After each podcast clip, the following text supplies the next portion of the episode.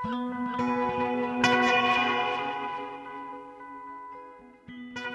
sæl, kærulustendur, við sjá heilsar miðvíkudaginn 17. ágúst við Melkorka Ólafsdóttir og Halla Haraldóttir setjum við hljóðnumanna í afstaleiti í dag. Svarkvítar sjálfsmyndir, tónlistastjóri Bjarkar og nýjar tónsmíðar á Norðurhjara verða á bóðstólnum í þætti dagsins. Bergur Þórisson er tónlistamæður og tónlistarstjóri sem byrjaði að snemma að blása í básunu og fyrta við tækju tól í hljóðverum. Hann er annar tveggja meðlima í hugum, hljómsveit sem hann stopnaði á samt æskuvinni sínum af Seltjarnarnesi. Hann hefur lotið baftavelun og grammi tilnefningu en síðust ár hafa mestu farið að vinna tónlist í samstarfi aðra. Síðastlegin sex ár hefur hann verið tónlistastjóri Bjarkar Guðmundsdóttur. Bergur verður gestur okkar hér á eftir, kemur með nokkur lög, segir okkur frá ferlinum og svarar auk þess nokkrum spurningum úr Prúst spurningalistanum. Helga Rakel Rapsdóttir flyttur okkur pistil um bandarísku listakonuna og ljósmyndaran Francesku Woodman sem á sinni stuttu æfi skapaði einstök ljósmyndaverk með sterkum höfundarenginum þar sem líkami hennar sjálfrar var oftar en ekki í fórgrunni. En við byrjum á ungum tónskáldum. Ung nordisk músík hátíðin fer fram á höfuborgarsveðinu í vikunni. UNM er samstagsvettvangur og uppskeruháttíð tónsmíða frá nýrstu löndum Evrópu sem í ár telur líka með Eistrasaslöndin. Háttíðin hófst á mánudag og klárast á sunnudags morgun og dasgra hennar er fjöldin allir á tónleikum, innsetningum, málþingum, síningum og vettvangsferðum. Allt þetta og meira til afsprengi vinnu ungu kynslaðurinnar meðal tónsmiða og kollega þeirra þvert á listgreinar. Við fengum þau Sólegu Sigurjónsdóttur og Þorkjál Nordal til að segja okkur nánar frá háttíðinni og þau eru fyrstu gestur okkar í dag. Þau eru sestina hjá mér Sólei Sigurjónsdóttir og Þorkjál Nordal. Sólei er formaður Íslandsdeildar UNM eða Ung Nordisk Músík. UNM hátíðin er velgumil hátíð, er það ekki rétt hjá mér? Jú, um, þetta er 77. UNM hátíðin sem haldin er. Hátíðin byrjaði upp úr annari heimstöldinni um, þegar uh, tónskald á Norðurlandunum langaði að kynnast betur og sameina krafta sína í að kynnast list hvers annars og og norröðnum tónlistaskólanum og hátegin verið haldin árlega síða, síðan þá og ferðast á melli Norrlandana og er haldin hér í tíndaskiptið á Íslandi í ár. Og yfirskrift háteginin í, í, í ár, co-structing, getur þú útskilt þetta hugtak aðeins fyrir mér? Já, þetta er hugtak sem við fundum upp á fyrir þessa hátíð.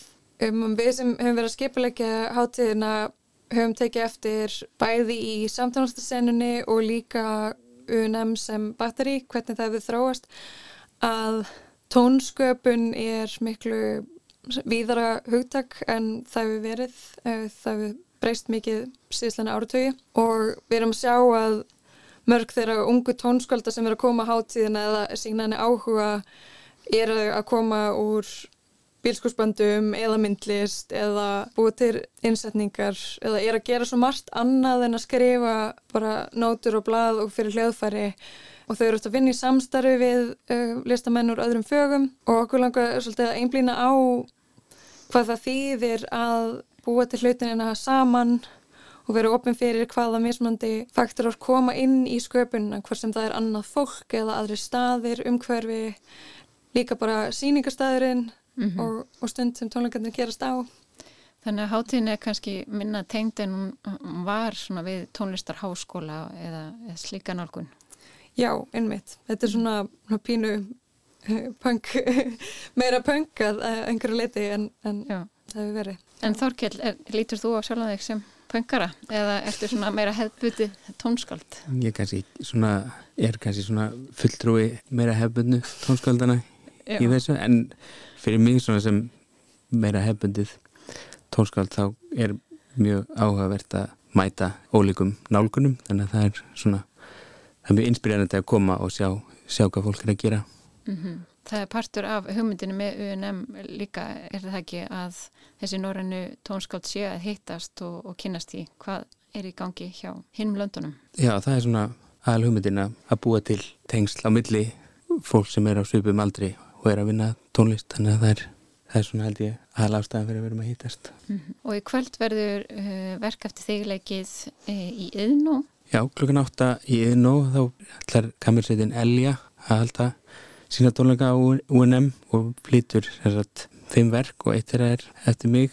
Getur þú sagt okkar eðans frá verkinu þínu? Já, þetta er sem sagt, það heitir Formations og er fyrir nýjumanna kamersveit sem ég hef skipt niður í þrjá hópa, svona þvert á, svona að blönduð kamersveit og ég skipt svona þvert á eh, hljóðfæra grúpur og er svona að leika mér með e, samskipti þessara þryggja hópa. Þetta var samið svona meðan fyrir hérna kamersveiti í Helsingi þess að ég bý og pöntinu var svona að kommenta einhvern veginn á þetta heimsfaraldurs ástand sem var þegar samti verkið. Þannig að það er svona smá fjarlægt. Og það hefur aldrei verið flutt á tónleikum með áhrendum þannig að ég er mjög spenntur að, okay. að heyra það þar. Já, eru þið að finna fyrir því að það svona er gott að hitta fólk eftir, eftir þennan skrifna tíma? Ég held að það sé náttúrulega öðru í sig sjarmi yfir svona tónleikum það þýðir eitthvað annað Já, það er búið að taka þetta svolítið frá þér þannig að þetta er svona ennþá meira þetta er svona sérstætt, sérstætt moment mm -hmm. að hittast saman á tónleikum En Sólei, það er ímis nýbreytni í ár. Það er til dæmis komið ný lönd inn í púlíuna. Já, um, það er sett um, lengi verið umræða um Eistarsalslandin og þáttöku þeirra á UNM.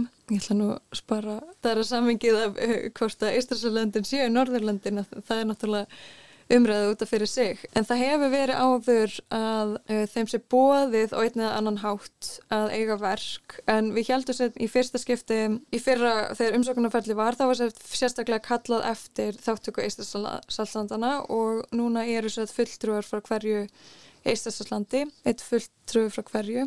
Það er uh, Lettland, Litáin og Ísland. Og þær, já það eru allir konur. Uh, þær tóku þátt í residensíu sem var núna í mars síðan í Reykjavík og það var líka uh, fyrsta listamannadvöl sem haldin hefur verið á vegum UNM og þessi listamannadvöl náttúrulega fléttast uh, mjög vel inn í þetta þema sem er co-structing. Og það voru sagt samtals 19 listamenn sem tóku þátt í dvölunni og þau voru þá að vinna á tónleikastöðum sem þau eru mörg fyrir að flytja verkinn sín.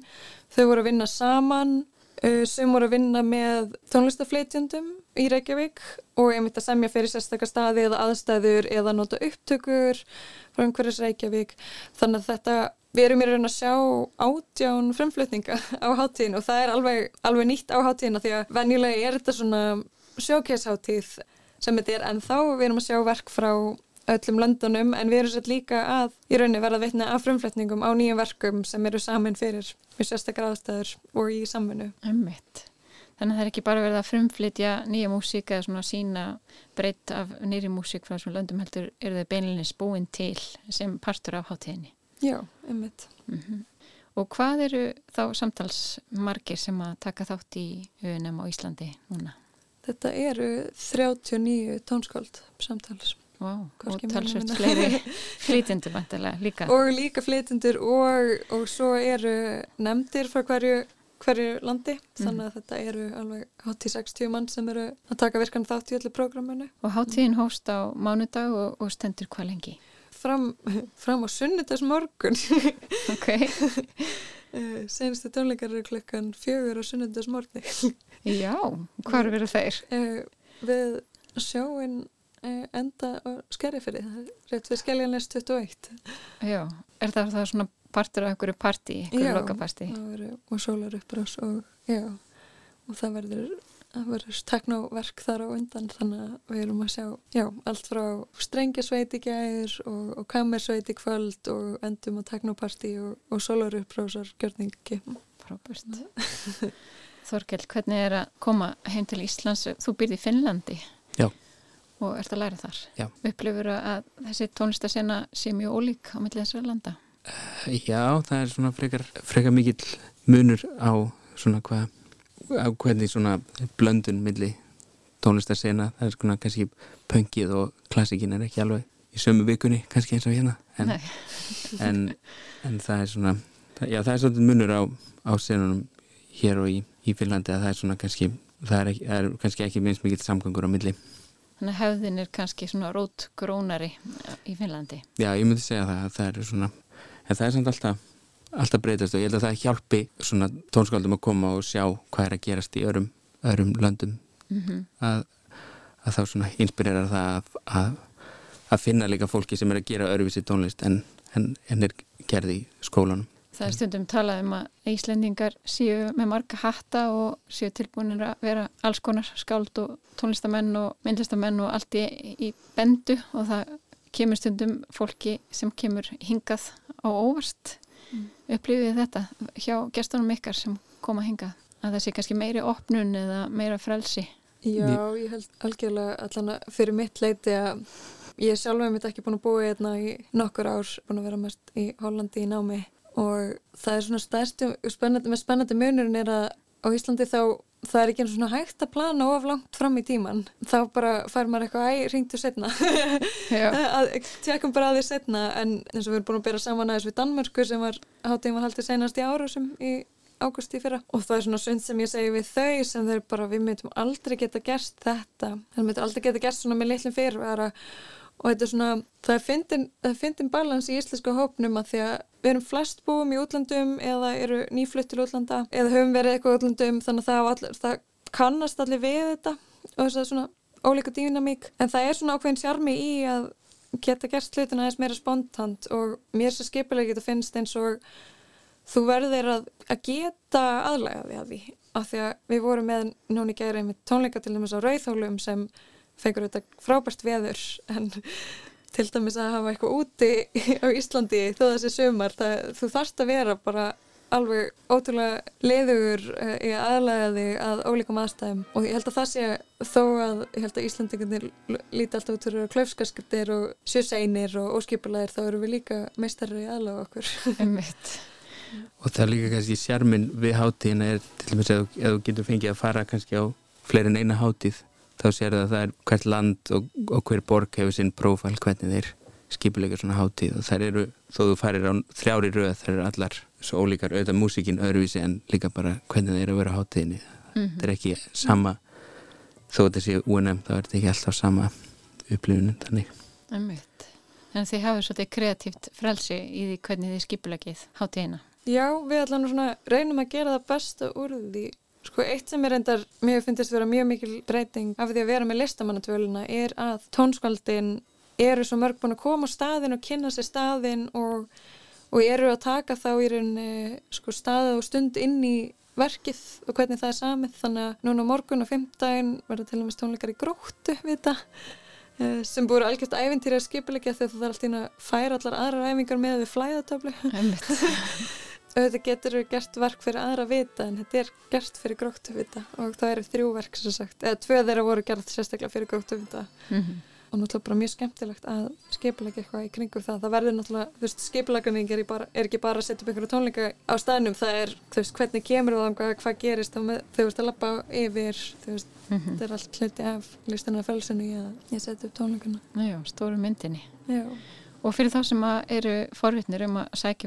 að um að UNM geta þið nálgast upplýsingar um þetta á vefnum vantilega? Já, mm -hmm. við erum með heimasið ungnordiskmusik.is og við erum líka á Facebook Ungnordiskmusik Æsland Já, og það er alveg hellinga viðbyrjum en þá eftir Já. fram á sundag. Takk fyrir komuna Þorkell og Sóli. Takk fyrir. Takk.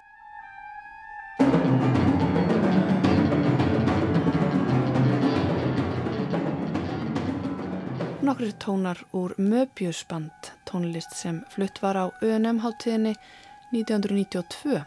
Hér á eftir spjalli við þau Sólauju, Sigurjónsdóttur og Þorkel Nordal um ung nordisk músikháttíðina. Og úr því sem er að gerast í heimi tónlistarinnar nýst á norðukveli jarðar fönum við yfir í hugleðingar Helgur Akalar Rapsdóttur um listakonu sem notaði fyrst og fremst líkamassinn, ljós og skugga til að komast að sögum í huga þessum horfir. Dætur mínar hafa frá unga aldri átt tvö heimili sem þýtti að þær fóru til pappa sinna aðra hvora viku. Þetta fyrirkomulag var að mörguleiti ágætt en alltaf saknaði ég þeirra ja, skrampi mikið. Sérstaklega fyrstu dagana eftir að þær fóru. Á tímabili brá ég á það ráð að hætta að taka saman dótið þeirra þessa fyrstu daga. Það mildaði söknuðinn að hafa hlutina þeirra og fötina og rúi og stúi í kringum mig. Ég bjó ekki um rúman þeirra og mér fannst að ef ég pakkaði leikfungunum strax saman þá væri ég að brjóta eitthvað alveg heilagt. Svo ég lefði ríkinu aðeins að falla. Ég lefði pleimóþorpum og dýragörðum að standa dögum saman og Oft stóðu litrikir og tilkomu miklir skúltúrar í stofunni, lengi eftir að þeir fóru. Byggingar úr borstofustólum og púðum og teppum sem hengur loftinu. Það var ekki alltaf augljóst út á hvað leikurinn hafði gengið. Þær blönduðu saman alls konar leikvöngum, treköpum og bleimadóti og plastýrum og petshopfíkurum og hekluðum dúkum og slæðum og hinn og þessu. Í dag vildi ég oska þess að ég hefði oftar tekið ljósmyndir á þessum ummerkjum leiksins, þessari einstöku veröld sem þær höfðu jú skapað.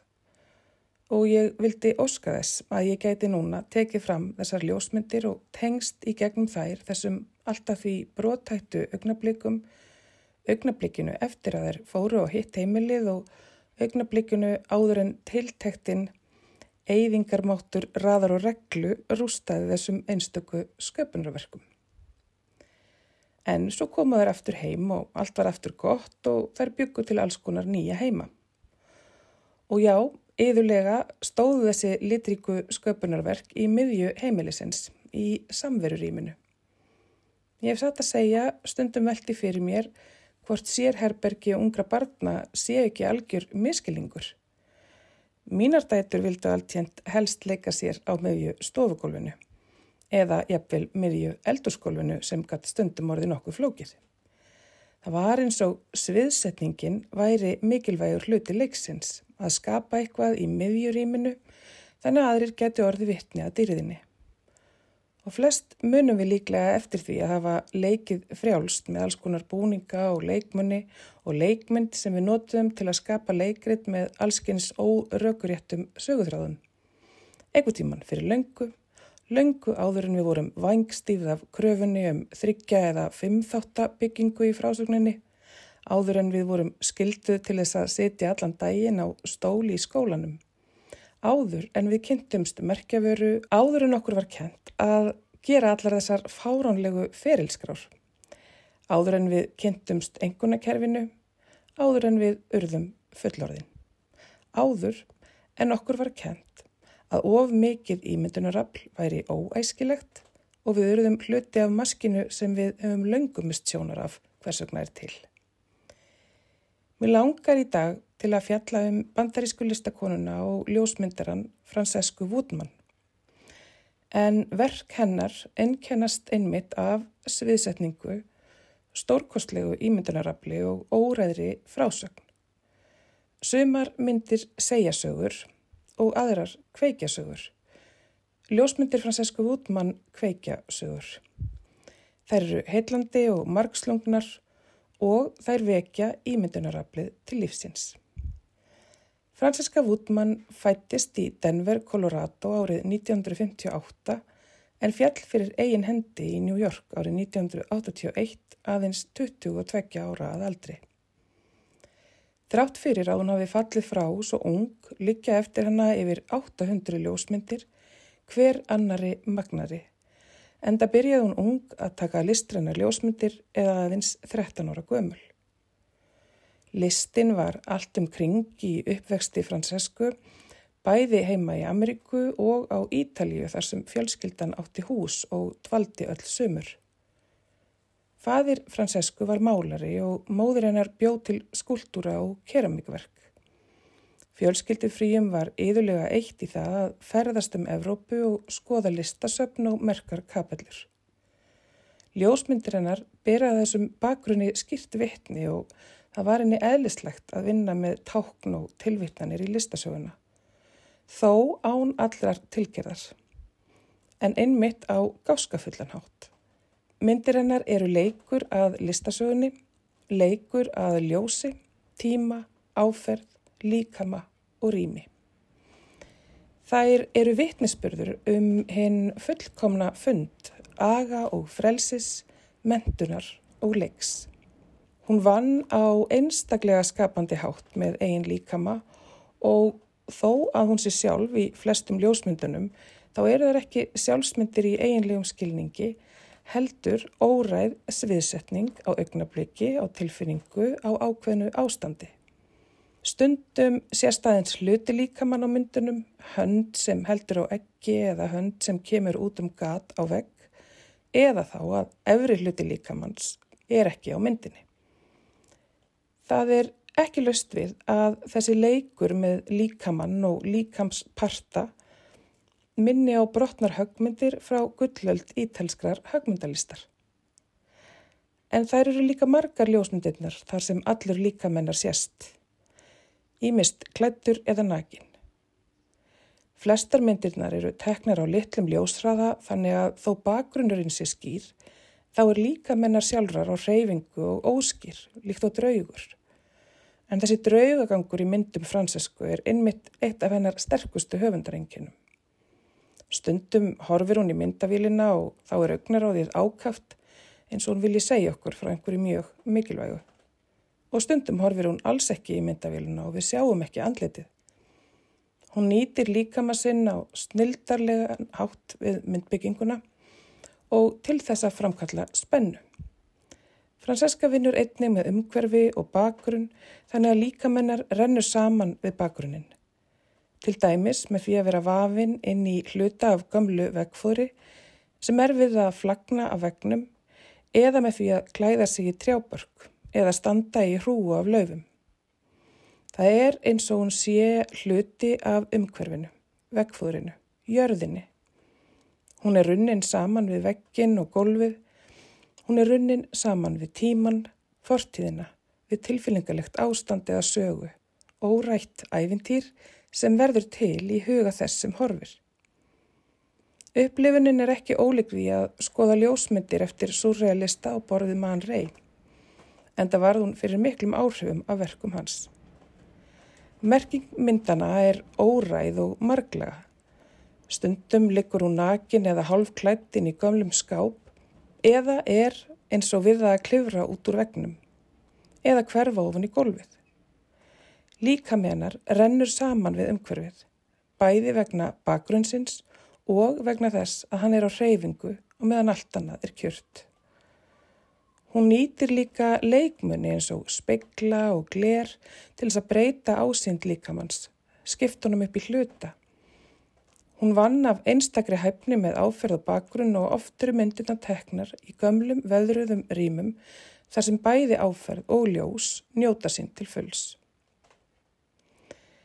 Ljósmyndir Francesco Woodman eru í senn trublandi og heillandi.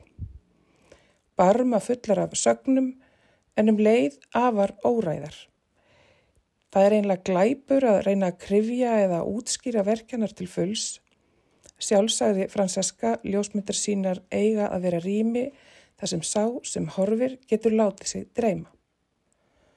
Og ef til vill verður verkumennar best líst með spurningum, spurningum sem hún notaði sjálf til að lýsa ljósmyndum eftir sig. Er ég á myndinni? Eða er ég á leiðinni út úr henni? Er ég mögulega draugur, dýr eða dauður líka mig? Er ég annað en þessi stúlka sem stendur út í horni? Það er hægt að horfa mjög lengi á ljósmyndir Francesco Útmann án þess að komast að nokkuri niðurstöðu. Og það er svo gott. Það er nefninlega svo mikilvægt að þurfa ekki alltaf að komast að niðurstöðu að leifa hugunum að reyka og mynda alls konar hugrinningatengsl. Að gera bara eins og barnið og elda hugarflýið, láta sér fljóta og berast með strömmnum án þess að berjast á móti. Að tengjast rýminu sem við gleymum svo oft eftir að við fullornumst, hinnu heilega rými, fantasíu, drauma og sköpunarkrafts. Sáði Helga Rakel Rapsdóttir um listakonuna Francesku Woodman, sköpunarkraftin og ímyndunaraflið og margt fleira. En þá að öðru. Seint á þar síðustu öld um 1880, löngu áðurnan fór að leita glötu um tíma, svaraði ungur Marcel Proust spurningalista frá vinkonu sinni.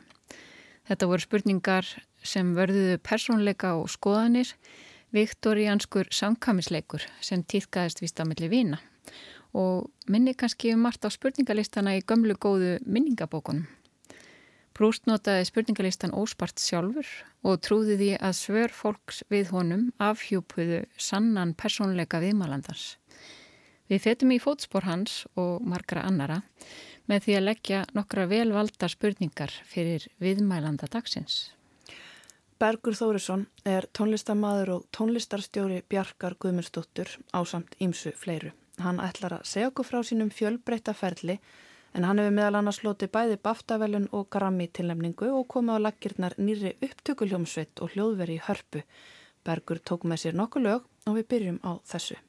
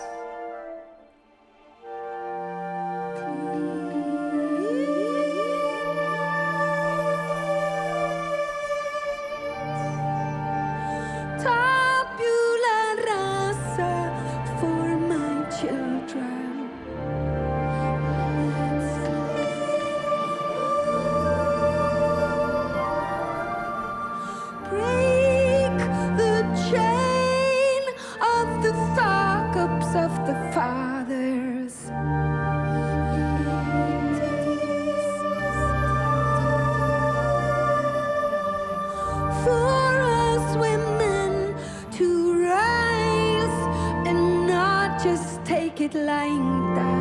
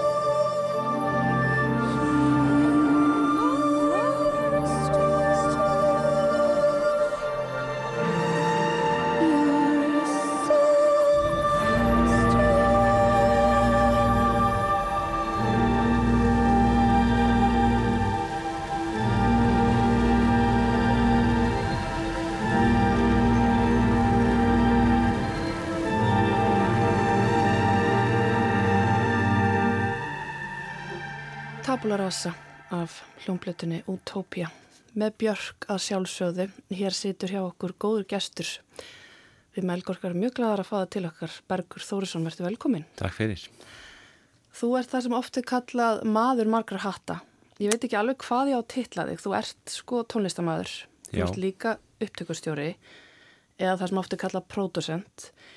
Þú ert tónlistastjóri Bjarkar. Hvaða titil nota þú sjálfur? Já, þetta er náttúrulega oft mjög flókin spurning. Mér finnst mjög ofta öll bara að kalla mig tónlistamann. Já. Um, Sumir kalla mig líka uppfinningamann eða, eða eitthvað svo les en, en þetta er svona, það hefur verið svona tóltil loðið þetta hugtaka upptöku stjóri að það engi veit almennilega hvort að þetta er producent eða það sem að heitir á ennsku recording engineer mm -hmm. sem að hefur líka verið kallað upptöku maður en ég er raun að sinna öllu þessu þannig að það kannski skiptir ekki öllum máli mm -hmm. hver titillin er En ef við lýsum að svona í hverju þetta starf fælst? Já, þetta er náttúrulega fælst í getur fælst í öllu frá því að vera bara í tæknilegu hliðinni, bara tengja snúrur og mikrofóna og íta upptöku en svo getur þetta líka farið alveg bara út í sálfræðir ágjöf og alls konar með listamanninum og, og hérna það er margt sem að getur fælst í þessu sko mm -hmm. En þetta er líka svona að búa til áferð kannski Já, þetta, þetta er náttúrulega snýst að mörguleiti bara um það að það er einhver listamæður sem með einhver sín og maður þarf að koma henni einhvern veginn til skila mm -hmm. og passa líka að ef þetta er til dæmis eins og söngari þá þarf maður að passa að söngarinnum líði vel og, og mm -hmm. allt sé eins og hann vil hafa það mm -hmm. en, en og svo líka þetta svo vil maður að, að hljómurinn á röttinni eða hverju sem er sé eins og listamæðurinn vil hafa. Það og auðvitað getur maður oft haft eitthvað um það líka að segja í leðinni mm -hmm. Það skiptir máli að vera alltaf góður í mannlegum samskiptum líka, ekki bara á tökkunum og í tónlistinni. Já, ég ætla náttúrulega kannski að dæmi það sjálfur en jú, það er sennilega mikilvægt í þessu starfi. Hvernig leittist þú inn á þessa brödd? Sko, það var eiginlega óvart. Ég, það var eiginlega þannig ég var alltaf að læra básunu út á seltjarnissi um, var ótrúlega heppin að vera í þessu handbalta samfélagi sem að var samt ótrúlega satt þessi magnaði maður Kári Húmfjörð sem er með lúðrasveit. Og ég dróst inn í tónlist út af honum. Og svo vildi það svo til að kennarin sem ég var með básunarkennarinn á þeim tíma uh, flúði land og það rettaði mér kennara í snarhasti og það var hann Helgi Raffn Jónsson, básunarleikari sem kom og kendi mér. Um en það, svo var það þannig að mér langaði í fleiri básunutíma heldur en sko tónskólinn vildi bjóða mér upp á.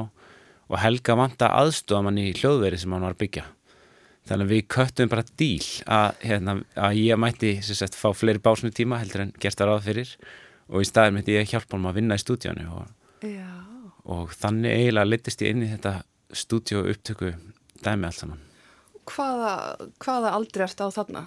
Þú byrjar að færa það yfir í hljóðverið ég var svona 14-15 ára mm -hmm. og ég var, þarna var ég samt búin nefnilega að vera sjálfur að fykta í alls konar upptöku dæmi og, og hinn og þessu. Pappi minn er ramagsverkfræðingur og ég hef alltaf haft svona mikið áhuga grúska í öllu sem að tengist tækni og, og ramagni kannski og hljóð í svona samhengi en alltaf mörguleiti bara ramagn Það var einmitt eitt sem ég glemdi að nefna einu upphafi. Þú lærðir hljóðverkfræði. Já, og þú hefur verið ég, að búa til mikrofóna Já, ég lærði það sem heitir hátækniverkfræði. Mm kláraði reyndar ekki en, um, en já, ég hef verið að smíða alls konar mikrofóna og, og alls konar tækintól sem að henda í, í þessu starfi mm -hmm. Hvenar hófst ykkar samstarf, ykkar bjargar? Herðið, það eru komin wow, það ég held að hafi verið 2016 í november 2016 þannig að það eru komin einhver 6 ár síðan og umbósmarnar saði nú við mig að það endist nú engin í þessu starfi lengur um fjögur ár en hérna en ég hef búin að endast í þessu og finnst það bara alveg aðeinslegt, hún er algjörlega frábær manneskja og gaman að vinna með henni mm -hmm. Mm -hmm. Og í hverju fólst það svona þín fyrstu verkefni, í hverju fólst þessi verkefni fyrst og hvernig hafa þau svona þróast? Sko, ég fór eiginlega bara beint í djúbulegina með henni ég, hérna um, við byrjuðum á að við vorum að hljóðblanda plötu sem heitir Vulnikúra Live sem var sem sagt uh, tónleika útgáfa, tónleika upptaka af uh, Vulnikúru plötunni hennar og svo bara smá sem hann fór að vinna í þessari plötu sem við heyrðum lægað sem heitir Utopia uh, þar sem við unnum með alveg nokkrum alveg frábærum flötuleikurum og, og svona hinn á þessu fólki mm -hmm. um, og í kjölfarið fóru við svo bara að halda tónleika með því efni og já, síðan erum við búin að vera að vinna í nýri plötu og gera alls konar mismöndi tónleika og hitt og þetta Og hvernig kemur þessi næsta plata? Næsta plata, sko ég er ekki alveg með dagsendingun á hreinu en hún kemur í haust þannig að það er nú ekki langt eftir að haustinu þannig að það hlýtur nú að stýttast í það Umvitt En sko, ef maður er búin að vera tónlistastjóri Bjarkar í sex ár, hefur maður þá samt tíma fyrir að skapa sína eigin tónlist og vera í öðrum verkefnum? Um, það er náttúrulega bara ótrúlega misjætt eftir hvað er í gangi uh, en jú, það er náttúrulega bara líka mikilvæg partur af þessu. Einn rauninni, þetta er bara eins og í öllum störfum, þetta er bara ákveðin enduníun og að bæði vinna með öðrum en líka gera sitt eigið og, og hérna, Björk líka er ótrúlega góð með það, hún er bara ótrúlega sangjötn og, og alltaf til ég að gefa mig pláss ef að ég þarf pláss til þess að vinna ykkur öðru, af því að hún, hún veit að það skila sér líka inn í það sem við erum að gera og... En þú ert með þína einn hljómsveit líka Já, hún heitir Hugar og það er svona verkefni sem að ég er búin að vera í með æskuvinu mínum, Pétur Jónssoni sem að við hérna kynntist nú bara leikskóla og búin að vera að gera músík um það byrj síðan mm. og já, við erum búin að vera að gefa út músík núna í tíu ár og erum á mála hjá Sony Classical í bandarækjunum og bara erum í þessu stundum að gefa út plötur og stundum að spila tónleika og bara svona þegar það er gaman og Já. og gerum það eiginlega bara út af því því að það er gaman. Mm. og þú komst með eitt lag með hugum. Er, ég held að það sé upp á slegið mitt af öllum lögum bara í heiminum. Já. fagurt er í fjörðum. Akkurat, það er hérna komið frá henni Þorgir Ingolstóttir hún síndi mér þetta lag. Já, heyrum það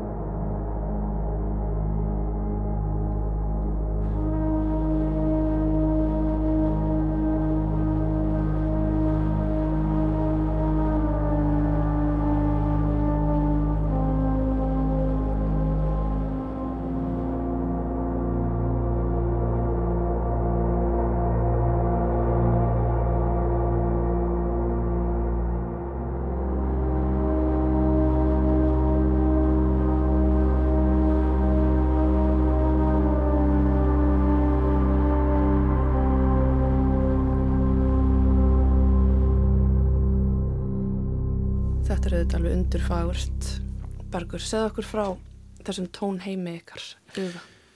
Já, við sem sagt erum uh, svona, þessi hljómsveit er þeim kostum geta, það er engin söngvari. Þannig að það er hérna, þetta er svona það sem fólk kallar instrumental tónlist og, og við höfum svona lengi átt við það, ég veit ekki hvort maður á að kalla vandamál að stríða að hérna, fólk er alltaf að spyrja um hvað lögin okkar fjalla og við erum auðvitað oft kannski með einhverja hugmyndir, einhverja sögur en við viljum samt ekki endilega segja fólki sögurnar af því að það er það sem er svo magna við svona tónlist er að maður getur bara séð fyrir sér sína eigin sögur og, og það getur kveikt á alls konar ímyndunarafli og alls konar sköpun hjá fólki mm -hmm. en svo langaði okkur að uh, taka þessi þjóðlög fyrir að, að þetta eru náttúrulega sögur sem fólk þekkir og eru, þarna eru textar á bakvið og náttúrulega þessi text í fagastur í fjörðum alveg sérstaklega svona visual með þetta allt saman menn og dýr þá deyja og þetta sem fólk þekkir mm -hmm. og við vorum í rauninni bara að reyna að gera einhvers konar mynd af því mm -hmm. með hljóði og tónum mm -hmm. En svona tónlist án söngs um, ég frétta því að ykkar band hefði svona svolítið lendi í þessu fræga Spotify hvað við að kalla það, klúðri? Að, að það hefur verið að herma eftir músikinu ykkar? Já, það passar. Það er, hérna, það er hægt að fara og finna lugar á Spotify. Og þar er einhver búin að greinlega hlusta á það sem við erum að gera og, og hérna reyna að gera eitthvað svipa en maður verður náttúrulega bara að taka því sem eitthvað skonar heiðri sko. Að þeir leggja þetta á sig Spotify menn. Það er samt alveg ótrúlegt. Og hvaðan koma lugar? Veistu Já, það? það er nefnilega spurningin, sko, þetta, er, þetta virðist allt renna einhver stað frá Stokkólmi að það er eitthvað batteri sem er í EU Spotify sem að þeir, mm -hmm. þeir framlega í rauninni svona eftirhermu tónlist til þess að einfallega virðist vera borga listamönnum minna mm -hmm. og setja meir í vasan á sjálfum sér.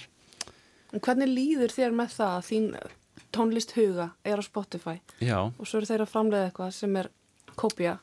Hvernig Þetta er náttúrulega ótrúlega sko. Já, þetta er náttúrulega bara ótrúlega flókja því að þeir eru á sama tíma bara aðal aðilinn í þessum málum í dag. Þeir borga mest, þó þeir borga ekki mikið þá samt borgaði mest. Mm -hmm. og maður villu þetta ekki alveg skera sér frá því að við erum bara ekki í þeirri stöð því miður þó að aðrir séu það mögulega. Og ég minna það hefur náttúrulega mikið verið tala um eitthvað að það sé eitthvað tónlistamenn hópið sér saman og gera eitthvað í þessu en það hefur ekki gerst enda, það er náttúrulega líka búin að vera heimsfaraldur í gangi og svona kannski erfitt að mm -hmm. skipir ekki eitthvað svo les mm -hmm. Einmitt og svo á sama tíma þá er þetta veitan sem að kemur fólki á kortið.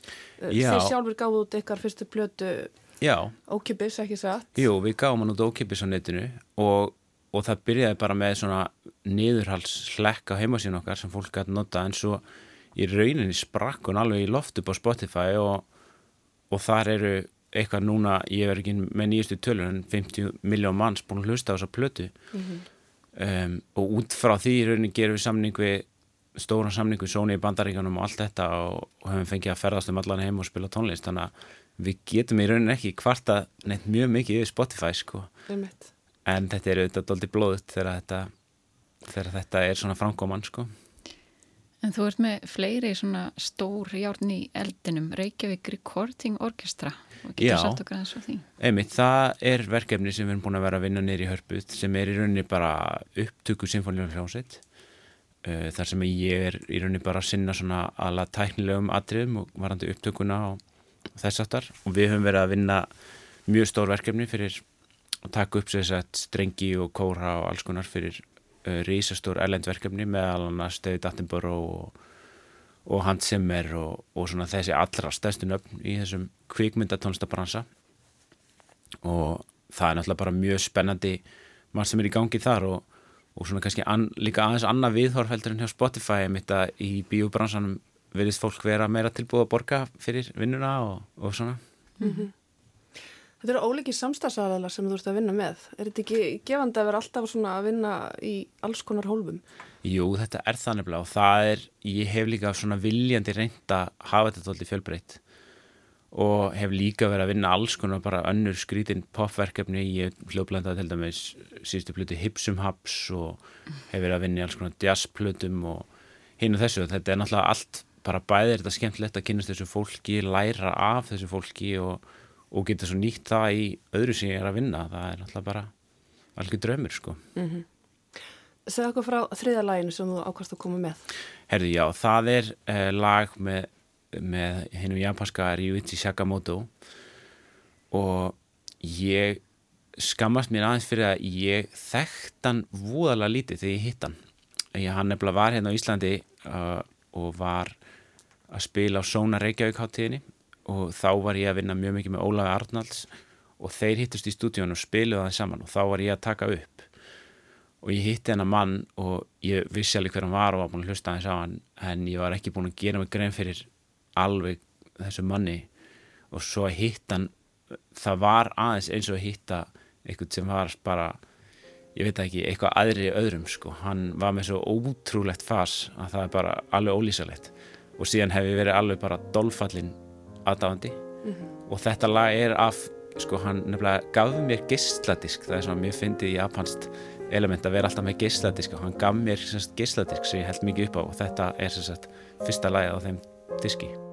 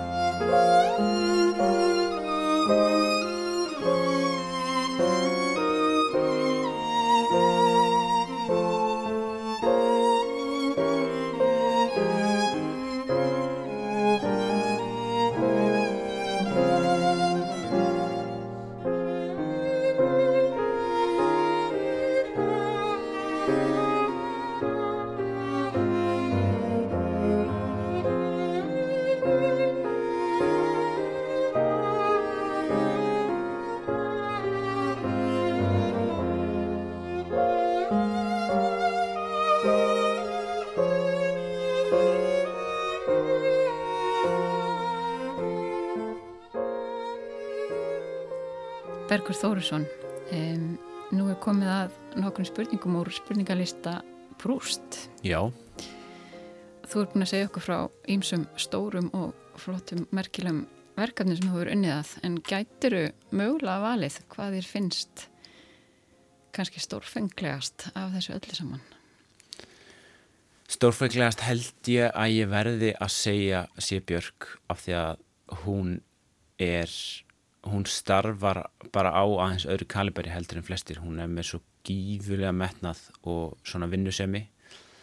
En mér finnst ég líka þurfa að nefna Jóhann Jóhansson sem að ég var svo heppin að kynast og vinna með. Og hann var svona sá eini sem ég hef kynst af Íslandingum öðrum sem að var líka með þetta element.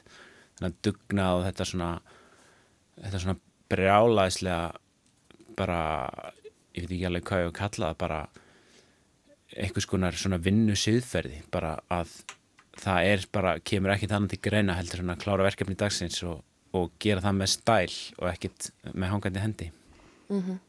Þá komum við að spurningunni tvö. Já. Erstu nokkuð farin að svitna? Nei, nei, nei, nei, nei, alls ekki. Líður mjög vel. Já, gott. Hvað eiginleika kanntu best að meta í fari viniðana?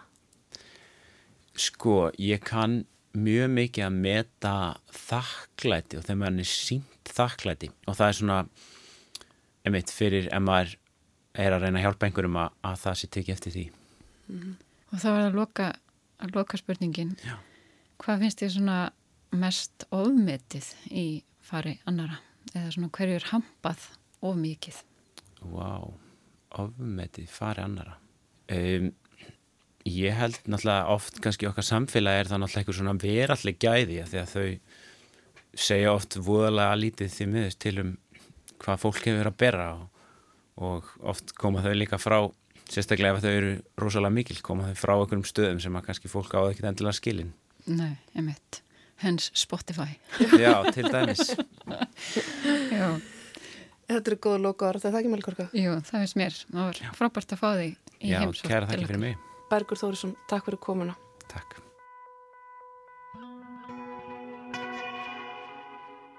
Og þannig ljúkum við vísjá í dag með svipmynd af Bergi Þórisinni, tónlistamanni. Við stefnum á fleiri góðar svipmyndir á næstu vikum hér í vísjá Því næsta miðugudag kemur annar góðu gestur með sögur og tóna í farteskinu. Já, við sjá lokið við Melkorka verðum aftur hér á morgun á ráseitt klukkan 16.05 og við spilara og streymisveitum þegar ykkur hendar. Takk fyrir í dag og verið sæl.